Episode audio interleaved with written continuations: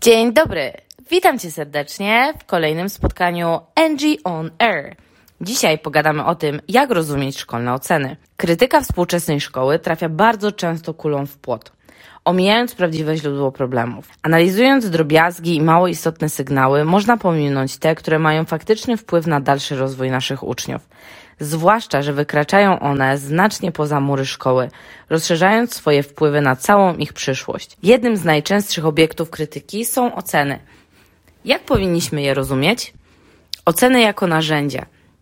Szkolne stopnie mogą być doskonałym narzędziem do poznania kompetencji. Wskazują na jakim poziomie wiedzy znajdują się aktualnie uczniowie i czy potrzebują ewentualnego wsparcia w nadrobieniu zaległości.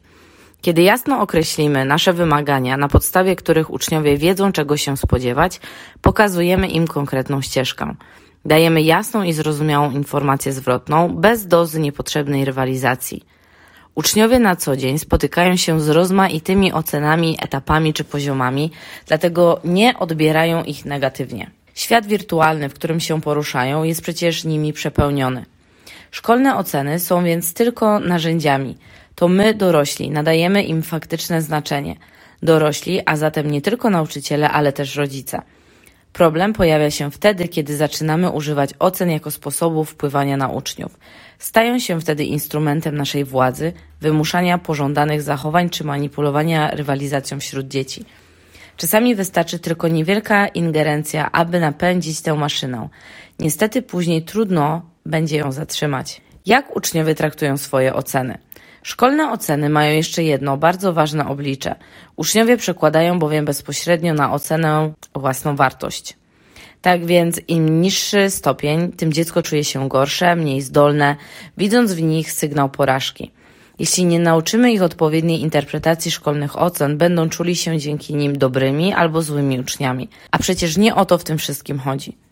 Oceny są tylko informacją, sposobem na wyznaczanie kierunku dalszej pracy z uczniem. Nie możemy ich więc traktować jako przejawu wartości dziecka. Uczeń musi rozumieć, czemu służą szkolne stopnie i że ma na to bezpośredni wpływ.